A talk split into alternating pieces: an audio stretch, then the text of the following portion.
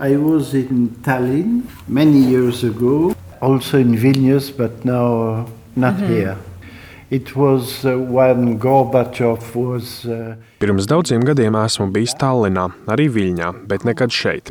Brauciens uz Baltiju notika tolaik, kad Gorbačovs slēpās savā villā, augusta puča laikā. Tas sākās Šveicē, un tajā piedalījās arī KGB. Es satiku Čekas pulkvedi. Viņš bija radinieks pirmajam Čekas vadītājam Feliksam Dzeržīnskim. Pilnīgi tā pati seja, tik neticami. Bija interesanti redzēt, kā ceļā satiktie cilvēki skatās uz šo vīrieti, kas tik ļoti atgādināja Dzeržīnski un cik ļoti ļoti viņi baidās no čekas. Tagad liekas pilnīgi neticams stāsts.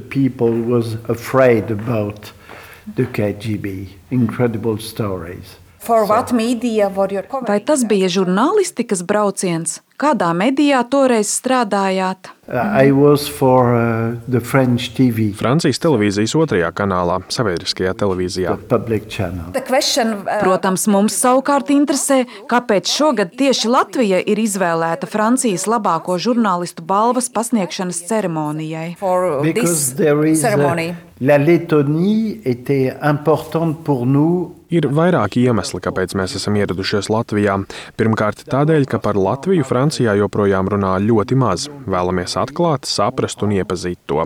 Otrs iemesls - Latvija pat labi uzņem Krievijas neatkarīgos mēdījus, un mēs vēlamies godināt tos, kuri palīdz uzticamas, pārbaudītas un kvalitatīvas informācijas saņemšanai. Just verifier l'information de qualité. Es zinu, ka arī jūsu darba kārtībā ir Krievijas mēdīju apciemošana Latvijā.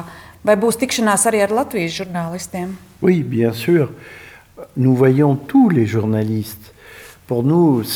Jā, protams, mēs satiksim arī Latvijas žurnālistus. Balvas mērķis ir atbalstīt un palīdzēt visiem žurnālistiem, iegūt patiesu un uzticamu informāciju. Tāda ir Alberta Londra asociācijas būtība. Mēs tiešām vēlamies kaut ko iemācīties no visiem, tāpēc tiksimies gan ar Latvijas, gan Krievijas neatkarīgajiem medijiem. Balvas ceremonijas vakarā mums būs tiešraidi arī ar Ukraiņas žurnālistiem par to, kā notiek viņu darbs.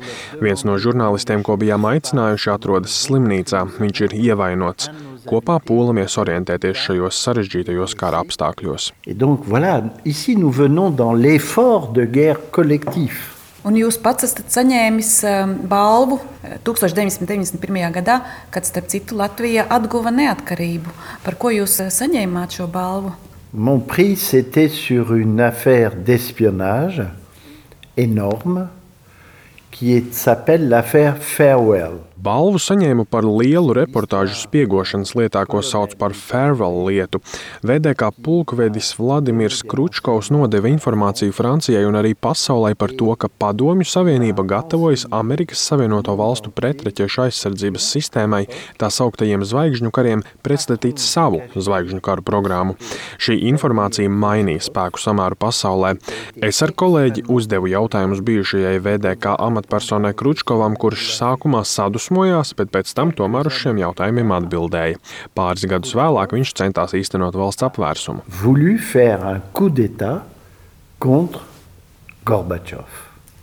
Šogad uz Latviju ir atbraucis tiešām netipiski liels daudzums franču žurnālistu.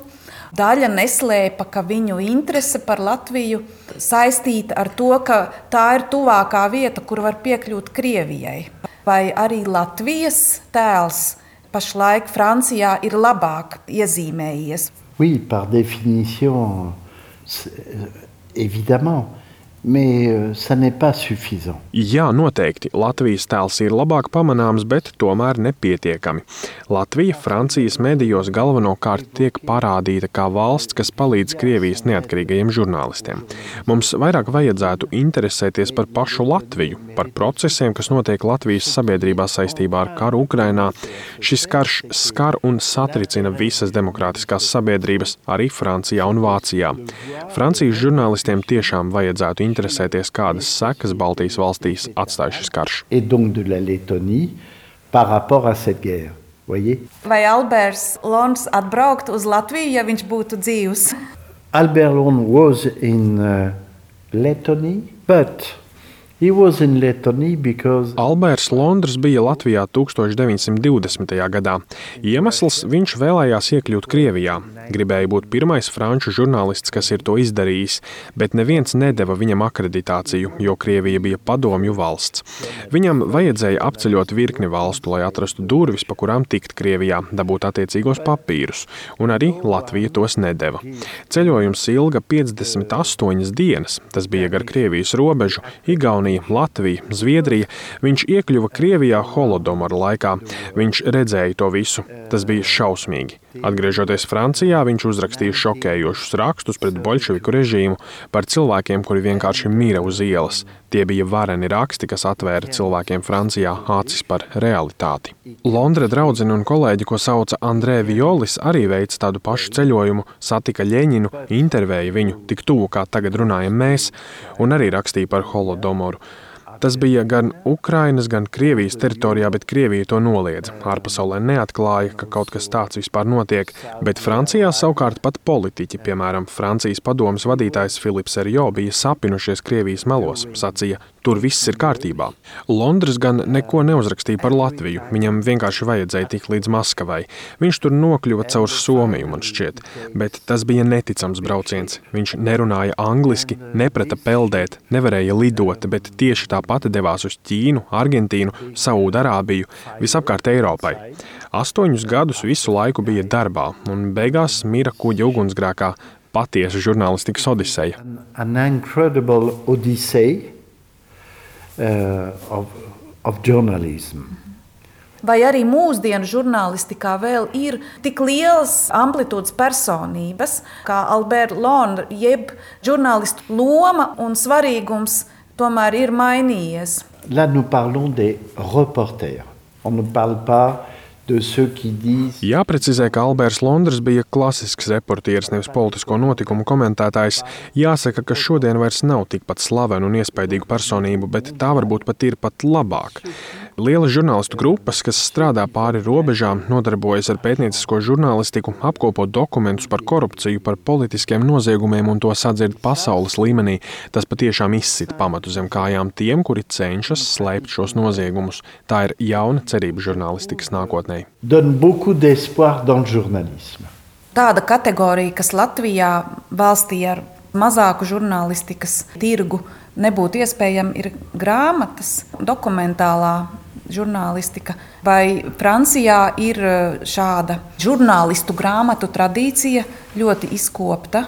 Ja katru gadu var atrast e, darbus, ko var apbalvot, grāmatu rakstīšana tomēr prasa laiku. Par ko ir tās grāmatas, kas šogad pretendē uz balvu? Alors, D'abord sur l'histoire des livres et, et des journalistes. Pagājušā gadsimta 20. un 30. gados, kad dzīvoja Alberts Londres, tā bija ļoti izplatīta tradīcija, ka žurnālisti raksta grāmatas. Bet tajā laikā tās vairāk bija viņu rakstu izlases. Viņi apkopoja rakstus un reportāžas, varbūt nedaudz piekoriģēja un publicēja grāmatās.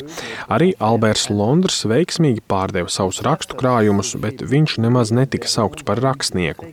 Kādu laiku šī tradīcija bija mazāk izplatīta, tad tā atgriezās, bet vairāk ar noslēdz uz politisku analīzi.